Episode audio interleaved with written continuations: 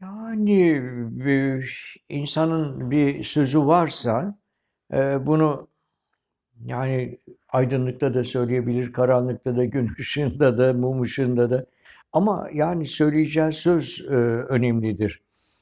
Teknikler bunun aracıdırlar. Yani, belki bir üslup, her tekniğe göre farklı bir biçim almaz. Yani, temelde olan bir biçemdir.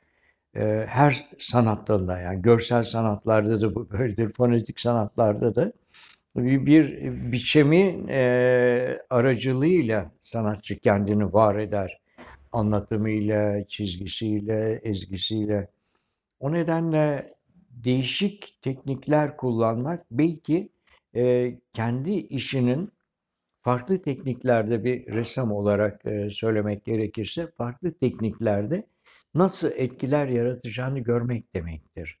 Çünkü her tekniğin ken kendine göre özellikleri vardır ve o özellikler içerisinde bazen bazı şeyleri, eee, daha periz etmek, daha durdurmak, bazı yerde mesela gravür tekniğinde, yani, çizgi, eee, temel unsurlardan biridir.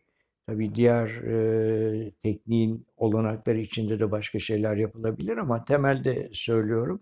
E, bir desen, eee, güçlüdür. Bir ufak çizgiyle dünya ya eee, var edilebilir ama, eee, o çizginin yarattığı dünyaya yeni ekler getirirseniz tonlar, renkler, iyi kullanırsanız çok etkili o. Olmazsa çizginin bile etkisi vardır. Yani, her tekniğin, her malzemenin, mesela vitrayın renkli camdan süzülen ışıkla yarattığı mistik bir etki. Bunu din çok iyi kullanmıştır.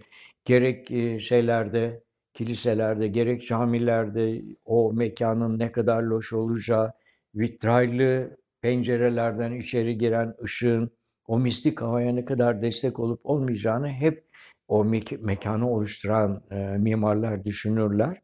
O yüzden mekâna göre renk, ışık, biçim, bütün bunlar tartışılabilir.